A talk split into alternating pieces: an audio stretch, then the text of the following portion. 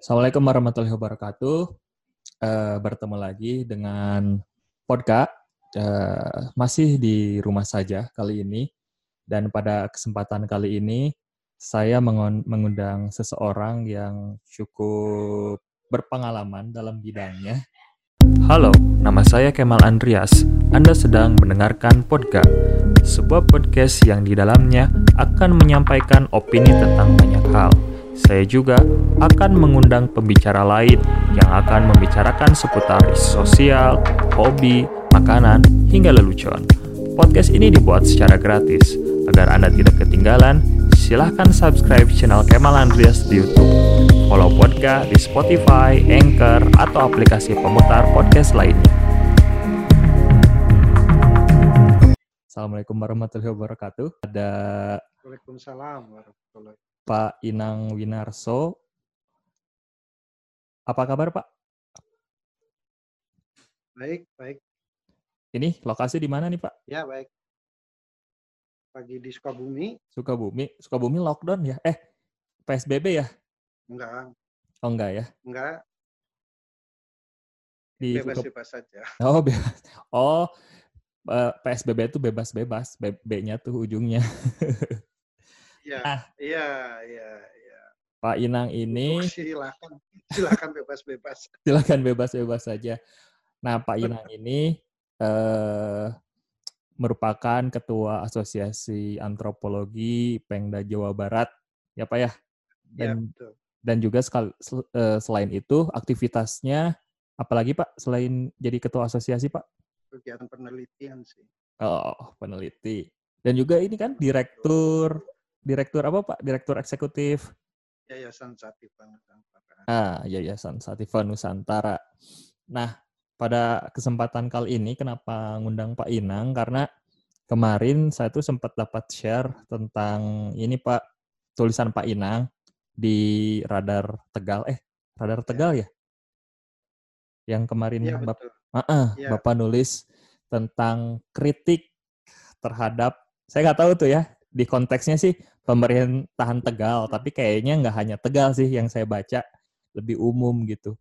Di situ Pak Inang mencoba iya, iya. menjelaskan tentang bagaimana eh, apa namanya selama ini PSBB hanya defend ya Pak ya, strategi bertahan. Nah itu gimana nih Pak? Maksudnya ya. Bapak ngelihat itu? Ya, iya. Ya sebenarnya saya nulis itu karena bertepatan dengan tanggal 23 April itu adalah hari pertama diterapkannya eh, pembatasan sosial berskala besar di Kota Tegal, tempat hmm. kelahiran saya. Jadi saya prihatin juga kota kelahiran saya tiba-tiba diberlakukan PSBB gitu. Hmm. Nah, ya jadi saya menulis itulah mumpung ada konteks uh, peristiwa PSBB di Kota Tegal. Mm-hmm. Tapi sebenarnya apa yang ingin saya sampaikan konsep PSBB itu juga untuk didengarkan oleh seluruh bupati, wali kota, gubernur sampai dengan presiden beserta para menterinya. Mm-hmm. Nah, apa ya? Eh, mungkin sih sebenarnya kita harus berangkat dari logika mengenai orang sakit sama orang sehat. Ah, ya, ya, ya, ya. Jadi untuk itu kan PSBB itu kan bagian dari itu adalah respon pemerintah, respon pemerintah dalam me, menyikapi atau menghadapi bencana penyakit Nah, tapi sebenarnya yang perlu kita periksa sebenarnya konsep penyakit menurut pemerintah sama menurut saya itu sama atau enggak atau okay. pemerintah tidak punya konsep mengenai apa itu sakit. Wow, menarik nih konsep sehat dan sakit nih. Ya. Iya, harus dari situ dulu sebelum sebenarnya kenapa eh, kok tiba-tiba pemerintah memilih PSBB gitu. Iya, iya, iya ada konsep yang bukan keliru tapi ada konsep yang eh, disebut anti science PSBB itu. Jadi oh, gini, kalau PS, PSBB itu anti science, Pak. iya iya, Gimana gimana gimana? misalnya kalau kalau rujukan apa landasan dasar pemikirannya itu begini. Jadi dari berdasarkan perspektif antropologi kesehatan, Mhm. Cara pandang terhadap penyakit itu selalu terjadi eh, dua perspektif. Betul. Yang pertama perspektif bahwa penyakit itu datang da- atau disebabkan oleh makhluk-makhluk gaib Oke. atau Oke. makhluk-makhluk yang tidak terlihat. Mhm, mhm. Jadi roh-roh jahat gitu ya. pertama, iya roh-roh Hmm. jahat itu selalu ada di setiap masyarakat Mhm, mhm, mhm.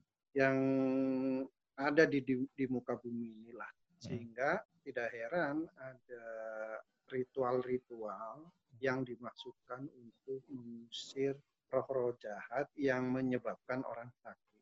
Oke, oke, Tapi oke. kemudian ketika ada perkembangan ilmu pengetahuan, sistem pengetahuan teknologi berkembang, Mhm, muncullah satu cara pandang baru mhm. bahwa penyakit itu datangnya bukan dari makhluk halus, tapi Oke. disebabkan oleh faktor-faktor alam, Oke. Natural ya, nature ya. eh, makhluk-makhluk alam. Jadi kalau dari sisi, sisi antropologi kita mengkategorisasi masyarakat yang menganggap Mhm. penyakit itu berasal dari makhluk-makhluk gaib atau roh halus itu disebut dengan pandangan atau perspektif personalistik. Oke. sakit itu karena roh halus, Ya. itu pandangan personalistik. Betul. Kalau yang menganggap penyakit itu datangnya dari eh, gangguan bakteri, Mhm, mhm. virus, pak, apa namanya, eh, parasit, jamur, Mhm. Atau atau sebab-sebab yang natural, maka Mhm. disebut dengan eh, cara pandang perspektif naturalis. Naturalistik. Oke. Yang Nah, rasional dan irasional ya. yang rasional ya, iya kalau makhluk goib kan Ya. bagi kita Mhm. ah, itu irasi, irasional. Iya, iya, iya. Meskipun ada banyak pembuktian lah katanya. Betul, betul. kan tapi Mm-mm. itu eh, tidak menganut cara apa namanya logika Mm. dialektika berpikir logik Iya, iya. Saya Sementara saya menarik soal yang yang naturalistik tadi Pak, yang sains yang i- yang irasional itu, yang irasional ketika zaman Ya, anak-anak ya, dulu, ya. saya ingat saya tuh nggak boleh keluar maghrib Hmm. karena ada kalong wewe. Itu kan bentuk Maghrib. PS, Heeh, itu kan Iya. bentuk PSBB yang sangat masif sebenarnya ya. Bagaimana sistem kultur iya Sunda betul. membuat or, anak kecil tuh nggak boleh keluar saat maghrib. Itu kan bentuk PSBB Ah. sebenarnya ya. iya betul skalanya besar itu karena Ya, hampir seluruh seluruh komunitas Seluruh Sunda gitu. Tatar iya Tatar Sunda Eh, dan keyakinan itu juga ada di semua masyarakat bahwa setiap waktu tertentu tidak boleh keluar karena Iya, ada iya. makhluk halus atau roh yang bisa mengganggu kesehatan itu Hmm. PSBB itu Betul, betul. nah Mungkin Seperti nyepi di Bali juga PSBB seperti kali ya. iya itu juga PSBB Hmm. jadi tidak boleh melakukan apa pun karena Mm-mm. pada saat itu dilakukan upacara-upacara eh, spiritual Iya. dan hal-hal yang spiritual itu ya tentu tidak kasat mata Iya, iya, iya. Hal-hal yang di luar kemampuan nalar manusia. Betul. Dan dalam tulisan itu Pak Ya. Inang cerita bahwa PSBB Ya. itu bagian dari bertahan kan. Dan bertahan itu kan kalau Pak kata Pak Inang nggak cukup Iya, karena dalam PSBB kan cuman meliburkan Iya. sekolah, kemudian ruang-ruang publik ditutup, cuci tangan, pakai masker gitu, hanya bertahan gitu. Dan menurut Pak Inang nggak cukup. Kenapa Pak nggak cukup Pak? ya, iya ya kan kayak gini. Kalau mungkin bagi orang yang punya pandangan personalistik bahwa penyakit itu disebabkan dengan hal-hal gaib, PSB, PSBB itu cukup. Sama Hmm. halnya ketika anak-anak dilarang keluar pada saat maghrib. Hmm, hmm, ya hmm. kan? Itu Ya. cukup. Nah, itu artinya pemerintah ini eh, berpatokan penyakit ini disebabkan oleh hal-hal gaib. Corona ini, COVID ini, itu disebabkan oleh hal gaib. Jadi cukup dengan PSBB akan bisa selesai. Oke. Nah, padahal virus itu adalah Mm-mm. makhluk nyata, bisa Betul. dilihat, bisa diperiksa, bisa Mhm. di, eh, dilawan gitu lah, bisa Betul. dilumpuhkan. Jadi bukan makhluk gaib virus itu. Virus Mhm. itu makhluk nyata, cuma ukurannya sangat kecil saja, Mm-mm, tapi itu benda benda hidup yang nyata. Terus Ya. ketika jadi ini anti sainsnya begini, Mm. sudah tahu virus itu benda makhluk nyata, bukan Hmm. makhluk gaib. Mm-mm. Kenapa diresponnya dengan cara-cara goib gitu loh. Oh. Cara-cara tradisi masyarakat goib yang seperti misalnya di, di apa namanya saya contohkan di zona alam itu Mhm. eh, untuk apa menghindari ada gangguan roh halus yang dibawa oleh orang dari luar kampung itu Betul. maka orang itu diisolasi dulu Oh, disingkirkan gitu Ya, padahal ya, ya. belum tentu kan itu membawanya Mm-mm, mm-mm. nah ini kan aneh pemerintah memilihnya PSBB PSBB Betul. itu kan cara cara klinik menurut saya klinik yang yang enggak Iya, iya. masuk akal sebenarnya. Lo virus itu harus dilawan, bukan Betul. terus dihindari, Betul. terus di gimana kita menghindari wong virus itu ada di dalam tubuh manusia, Betul. ya kan? Betul. Dan interaksi manusia itu selalu terjadi. Ya Betul. udah sekarang pilih aja caranya oke lah untuk menyenangkan hati pemerintah silahkanlah bikin PSBB Mhm, bikinlah mau skala apa mm-mm, mm-mm. skala RT RW apa terserah lah Mm-mm. tapi eh, respon yang saintifik itu harus dilakukan Mm-mm, mm-mm. gitu. Iya, iya, iya. Tapi Pak, kalau kita apa ya? Kemarin saya dengar salah satu pejabat di eh, apa? Salah satu gubernur lah ya. Dia dia ngomong kalau eh, pemerintah melakukan PSBB karena untuk mencari penanganan virus itu yang melakukannya adalah saintis gitu, orang-orang lab gitu. Pemerintah belum nggak bisa gitu melakukan itu. Jadi PSBB hanya bagian ikhtiar pemerintah untuk melakukan eh, apa namanya tuh pengurangan penyebaran virus. Itu gimana kalau kayak gitu? Iya, oke setelah kan kita mencoba membuat pemerintah katakanlah membuat justifikasi Mm-mm, kayak bahwa PSBB itu eh, pilihan terbaik. mm-mm, Padahal tadi saya jelasin PSBB itu basis pemikirannya adalah klinik, mm-mm, tahayul. mm-mm, mm-mm. Tapi kan minta dipaksa bahwa PSBB itu punya basis ilmiah, Betul, saintifik. betul. Maka eh, di dijustifikasi lah bahwa ini ituan itulah apalagi itu Hmm, Eh, cara untuk me- memperlambat mengurangi intensitas penularan. Iya. Loh, kita ini kan yang dibutuhkan menghentikan penularan. mm-mm, Udah mm-mm. tahu penyakit itu dari virus. Loh, Mm-mm. apa bedanya mempercepat, memperlambat itu apa bedanya kalau Hmm. terhadap virus ini? Kalau suatu saat virus ini lambat laun juga akan menyebar kalau tidak ada upaya menghentikan sama sekali penularan. Iya, iya, iya. Karena yang kita butuhkan sebenarnya hentikan penularan selesai. Iya sih, Tidak ada harusnya tidak ada excuse lain, betul, betul, tidak ada argumentasi lain. betul. Kalau saya, saya ditanya, kamu pengennya virus ini lam- lambat menular atau berhenti menular sama sekali? Ya, Mm-mm. saya akan pilih berhenti menular sama Betul. sekali lah. Betul. Supaya saya dengan teman-teman, keluarga aman. Ya. Kan gitu. Kalau Iya, iya, iya. memperlambat, ya ya. Kalau Tetap aja saat kena. datang ke tempat itu, iya kena juga. Jadi Iya, bagi saya eh, ajaib lah. Di era teknologi Mm-mm. 4.0 katanya, yang serba scientist uh, uh, basic Hmm. perspektifnya Hmm. tiba-tiba memilih cara yang anti science. Oh. Iya, iya, iya. PSBB iya. itu anti science. Nah, itu Iya, kan iya. itu kan cara orang-orang masyarakat tradisi, masyarakat apa kuno yang memang Iya, iya. teknologinya masih rendah, Sederhana. tidak mampu. Hmm. Iya, tidak punya laboratorium. Tapi kan kalau- mikroskop. gitu. Mungkin kita tahu semua gitu ya, untuk mencari vaksin itu kan sekurang-kurangnya kita butuh waktu 18 bulan gitu. Artinya mungkin ini kan si pandemi corona ini baru mulai Januari.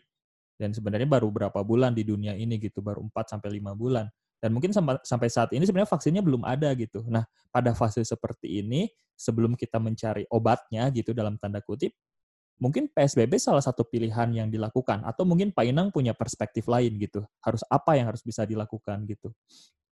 Ya, saya Nah, kalau mau menggunakan basis sains ya, Mm. supaya tidak saya kritik sebagai ahli pemerintah. Kalau pemerintah mau menuruti apa resep yang saya ajukan, pertama saya berpikir virus ini adalah makhluk nyata, gitu ya. Maka harus segera ditemukan di Hmm. tubuh siapa pun, Oke, ya, oke. gitu loh. Ya, ya. Kan ini kan makhluk nyata, Iya, iya. bukan iya. makhluk gaib. Jadi segera temukan dong di tubuh siapa saja sih virus ini Oke. bersemayam gitu. Ya. Si A, Ya. si B, si C, oke. Iya. So, pada saat kita sudah temukan melalui tes yang akurat, Hmm. Oke. yang cepat, gitu ya. Mm-mm. Jangan lama-lama juga tes. Betul, betul. Ini kan karena sekarang tes ini pakainya tes eh, Rapid. yang serologi ya. Rapid test itu serologi Hmm. artinya yang diperiksa itu darahnya, darah Mm-mm. si pasien. Mm. Nah, antibody ya. darah itu iya untuk melihat antibodi tubuh terhadap virus eh, apa melawan virus gitu loh. Reaksi adanya makhluk asing yaitu virus, maka Hmm. darah itu mengeluarkan antibodi. Nah, antibodi itulah yang diperiksa. Hmm. Kalau Hmm. terdapat antibodi eh, corona, Betul. berarti di dalam tubuh orang tersebut ada virus corona. Hmm. Gitu. Hmm, hmm, hmm. Tapi pembentukan antibodi itu di atas tujuh hari. Oke. Jadi selama tujuh hari orang itu sudah terinfeksi, Masih keliaran ya. kepada orang lain tanpa di, iya tanpa diketahui status positif atau negatif. Iya, iya. Jadi iya, ya terlambat lagi itu. iya, Udah betul. percuma kita pakai rapid test itu percuma. Betul. Nah, jadi temukan segera secepat mungkin, seakurat mungkin. Tidak ada Hmm. cara lain. Iya, iya. Itu menggunakan tes PCR, polymer change apa? Hmm. Saya lupa singkatan PCR. Iya, iya, Yaitu Pakai swab. eh, tes dengan mengambil swab cairan di ingus, di hidung, dan Hmm. di eh, tenggorokan. Hmm, hmm, hmm, hmm. Itu rumus pertama temukan. Ya. Atau T. Temukan segera yang Ya. jangan Berarti- ditunda. Tes secara masif gitu ya dengan kecepatan tinggi. Iya. Dan itu apa ya tersedia kok tesnya. Alasannya pemerintah itu nggak punya lab yang cukup pak untuk melakukan swab test sehingga butuh waktu yang lama sehingga banyak korban yang dia sudah meninggal gitu tesnya baru keluar gitu. Itu kan karena tesnya disentralistik di Bali Pangkes Jakarta. Hmm, ya, ya, ya, ya. Itu kan aktif gitu loh. Itu ini kota yang tersebar. Dan di Betul. setiap kota itu ada laboratorium. Betul. Yang diperlukan apa sih? Yang diperlukan cuma alat eh, reagen PCR Mhm. dan tes kitnya Hmm, sama peralatan laboratorium penunjangnya. hmm, hmm. Nah, untuk PCR ini ya itu sebenarnya tidak terlalu rumit, tinggal membeli peralatannya atau membuat peralatan dan itu bisa cepat lah karena Hmm. eh, tes kit tes kit seperti itu sebenarnya eh, bukan persoalan yang sulit. Temukan. Yang selanjutnya? Itu kan masal, masif, masif, hmm. masal. Dan itu paling 20% dari total. Hmm. Udahlah, itu biaya untuk membeli alat itu masih jauh lebih rendah dibandingkan hmm. Biaya sosial hmm. untuk menghap, namanya, mengatasi persoalan ekonomi, mengatasi persoalan. Sekarang langkah yang kedua atau rumus yang kedua adalah obati orang yang sudah ditemukan positif. Hmm. Jumlah yang kita temukan melalui tes PCR itu sudah akurat, jumlahnya hmm. tepat. Hmm. Sudah jelas namanya siapa, sudah hmm. jelas rumahnya di mana. Hmm. Ya sudah, kita pisahkan dengan yang negatif supaya nggak nular tuh. Betul betul. Kan gitu logikanya. Betul. Untuk memutus menghentikan penularan, betul. pisahkan yang positif dari yang negatif. Hmm. Ya. Jangan seperti sekarang di dalam PSBB kan tidak jelas mana yang positif COVID, mana yang negatif COVID. Ya, ya, bisa ya. saja di antara orang satu RT bisa saja ada orang di satu keluarga. Betul, kan betul. jelas karena betul. tidak ada pendeteksian secara dini. Mm -hmm. Jadi obati orang yang ter, ditemukan yang positif, COVID mm -hmm. di dalam tubuhnya. Mm -hmm. Pisahkan, pisahkan. Mm. Ya kalau mm. rumah sakit nggak cukup bisa di, mm -hmm. ditaruh di hotel. Jakarta mm -hmm. itu apa? Eh, pemerintah pusat sudah memberi contoh menggunakan mm. Wisma Atlet sebagai tempat untuk perawatan orang yang positif. Ya, ya, ya, ya, ya. ya. Nggak sulit sebenarnya kita pisahkan menggunakan berbagai macam fasilitas. Hmm. Biaya untuk pengobatan ini hmm. masih jauh lebih murah dibanding biaya untuk mengcover eh, apa krisis ekonomi, krisis ya, ya. sosial. Iya, iya, iya. Betul, betul.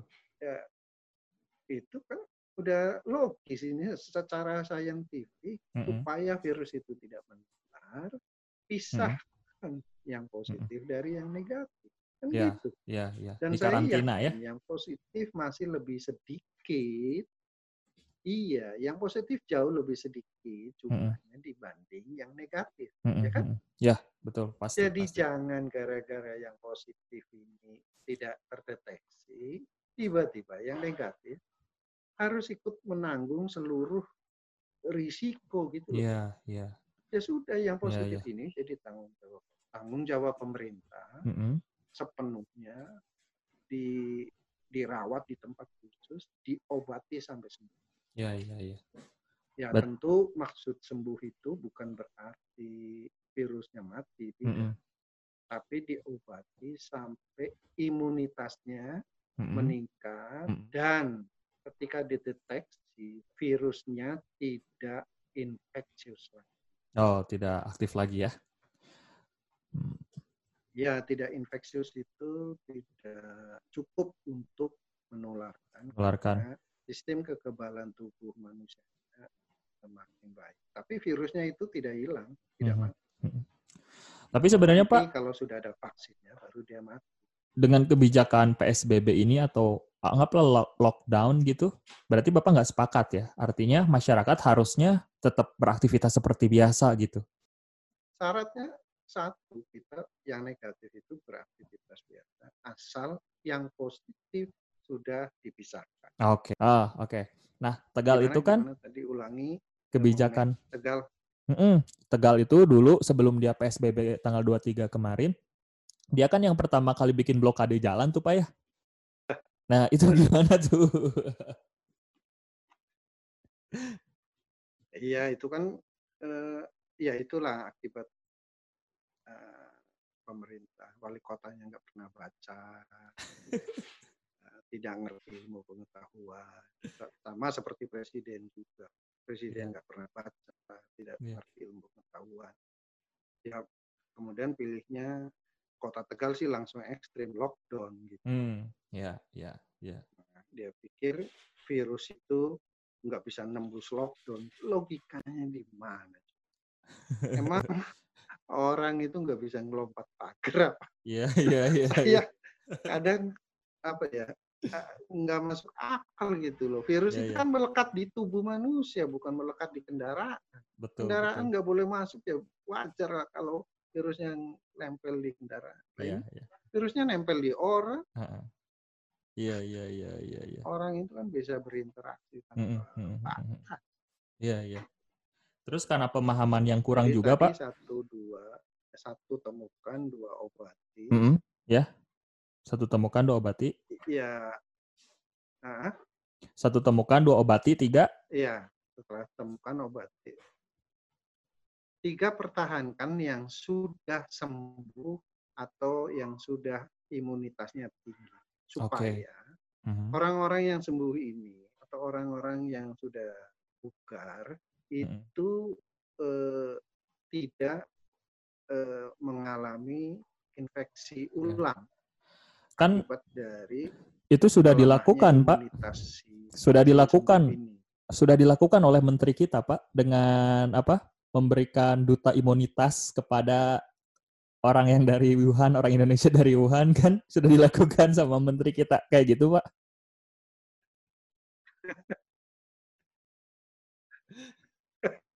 Ya, aduh. itu itu juga dagelan lah. Ya gini loh ya. It- aduh, saya saya kan bergaul dengan dunia virus ini sudah sejak HIV masuk ke Indonesia tahun Mm-mm. 89. Mm-mm. Itu virus loh. HIV itu virus Mm-mm. yang menyebabkan AIDS kan. Mm-mm. Saya paham ini bagaimana cara hidup virus ini gitu loh. Mm-mm. Dari cerita-cerita orang-orang yang terinfeksi virus. Mm-mm. Jadi eh, apa namanya? eh, secara alamiah virus itu bisa bangkit kembali dari masa tidurnya ketika imunitas tubuh manusia itu rendah. Oke. Jadi kalau yang tadi sembuh diobati sudah sembuh imunitasnya sudah kuat Mm-mm. eh, virusnya undetectable Mm-mm. tidak tidak terdeteksi dengan Mm-mm. jelas tidak terdeteksi dengan kuat Mm-mm. sehingga tidak bisa menginfeksi orang lain Mm-mm. Mm-mm. ya harus dipertahankan Mm. Ya. kondisi imunitas yang tinggi itu. Nah, caranya ya mereka harus dikontrol kesehatannya, diberi vitamin, diberi eh, apa, asupan-asupan gizi yang baik. Mm-mm. Jadi yang diberi perhatian besar itu memang yang positif dan yang sudah diobati, yang sudah pulih imunitasnya harus diberi perhatian full oleh Hmm. pemerintah. Ya, ya, ya. Jangan dia kemudian diserahkan ke masyarakat, kemudian dia teledor, Hmm. dia dia ceroboh sehingga terinfeksi ulang, itu bisa menimbulkan pandemi gelombang kedua yang Hmm, jauh ya. lebih berbahaya. Ya, ya, ya. Gitu. Ya, ya, ya, ya. Berarti sejauh ini, Jadi kalau disingkat, ya, lanjut Pak. langkah. Ya, gimana, gimana? Kalau disingkat? Jadi kalau disingkat, kalau disingkat, tiga langkah itu Mhm. kan obati pertahankan menjadi TOP. TOP. Strategi Nah, TOP. Strategi TOP ini, iya strategi top gitu kan. Ini NGO banget ya pendekatannya ya. Menyerang. Ini, ya itu kan saya hanya terinspirasi dari berbagai macam penyakit kesehatan masyarakat yang Hmm. direspon. Ya, ya. Jadi TOP ini strategi menyerang, Mhm. tidak menunggu virus di rumah, Mhm. dekam gitu. Mhm. Ya, ya, ya. iman. Ya, ya, Ini ya. nggak tahunya di sekitar kita ada virus Betul. gitu. Kita Betul. tahu. Betul.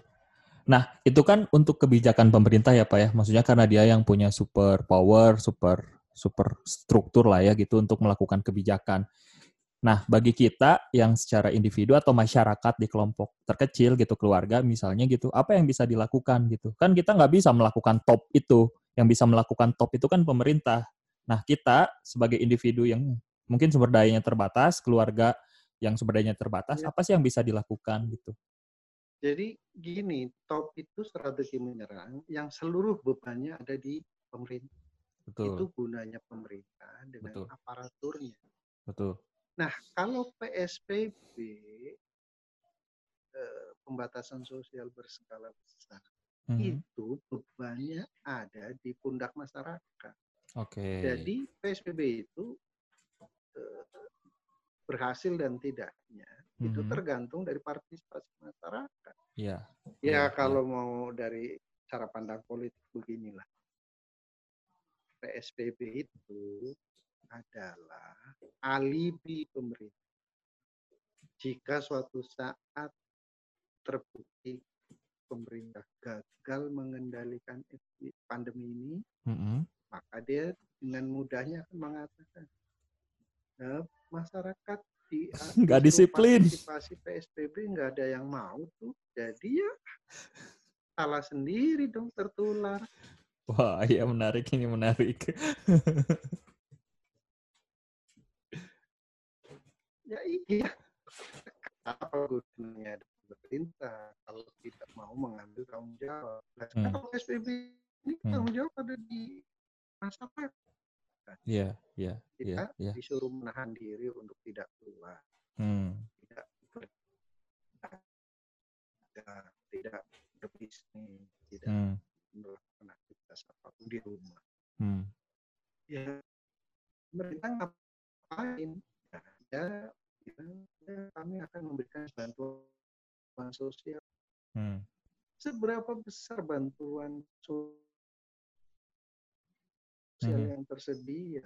Wong Hmm. ini yang mengalami kerepotan ekonomi itu jumlahnya besar. Kemudian Ya. akhirnya cari-cari cara alokasi anggaran ini, anggaran itu. Hmm. Kata Hmm. saya ini buying time, Ah. mengulur-ngulur waktu, membiarkan virus ini.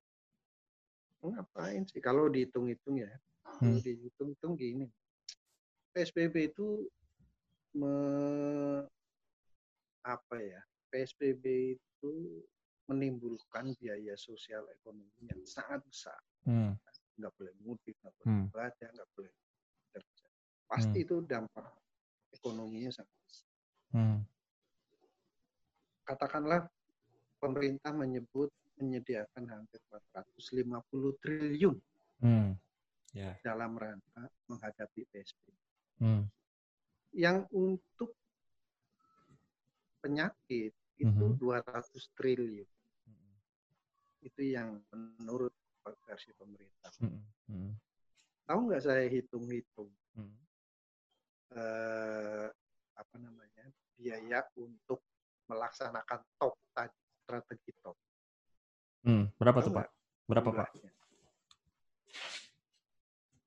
Nah, 200 200 juta penduduk. Ka-. Katakanlah gini, 200 juta penduduk itu artinya yang di atas 15 tahun sampai dengan yang lansia. Hmm. Jadi yang di bawah 15 tahun eh, tidak kita tes. Hmm. Yang 15 tahun sampai yang lansia kita tes. Hmm. Itu tidak diambil seluruh kelompok usia itu tidak 100%. Ya. Cukup 20 Sampling. Sampling aja gitu ya. Berarti 40 juta kan? Hmm. 40 juta kan? Hmm. Oke. Ya. 20 persennya dari 200 juta, 40 juta kan? Hmm. Biar 1 juta pasien positif. Hmm. Kalau masing-masing pasien dikasih biaya 10 juta Hmm. untuk pengobatan dan lain paling 10 triliun. 10 triliun ya. 10, Hmm. 10 triliun.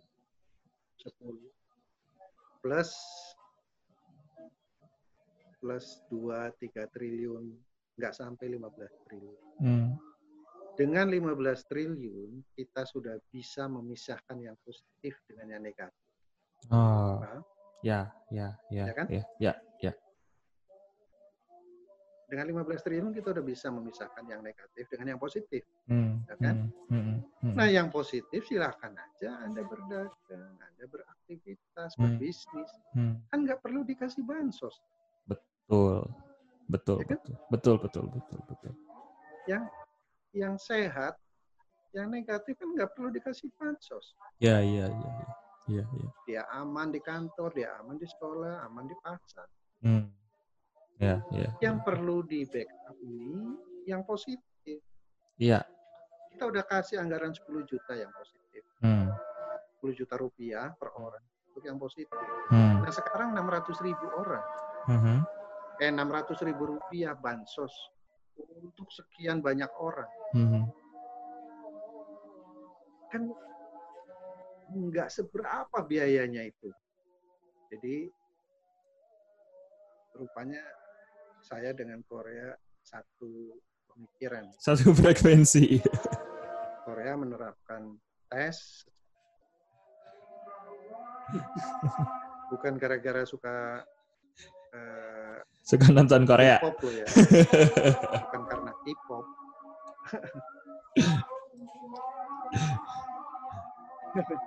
Tapi karena memang eh, paradigmanya berbasis sains lah. Hmm. Ya, ya, ya, ya. Jadi ya eh, yang negatif tetap produktif, Betul. bisa menghasilkan eh, pendapatan gitu. Mm-mm. Yang Mm. yang positif, Hmm. udahlah kita eh, kita eh, pemerintah harus full Ya, ya, ya. eh, cover seluruh kebutuhan yang positif. Betul, betul, betul, betul, betul. Itu nggak mahal lah. Hmm. Ya kalau Iyalah. saya di kalau saya jadi presiden, saya anggarin 20 triliun ya, untuk Ya, ya. strategi top, gampang ambil duit, Iya, iya. memisahkan duit 20 triliun. Oh, bro, bro, ya. Oke, luar biasa. Kalikan aja 20% dari seluruh seluruh proyek infrastruktur. Hmm, ya, ya, Ya kan? ya, ya, betul, betul, betul. Mungkin dua bandara dibatalkan pembangunannya, dua jalan tol, kereta cepat dibatalkan. Ya, ya, ya. Itu udah cukup. Tapi banyak oligarki yang dirugikan, Pak, kalau gitu, Pak. Ya. Paling pemilik proyek kan. Iya. Nah, pemilik proyeknya itu siapa? Pertanyaannya kan gitu. Jadi sebenarnya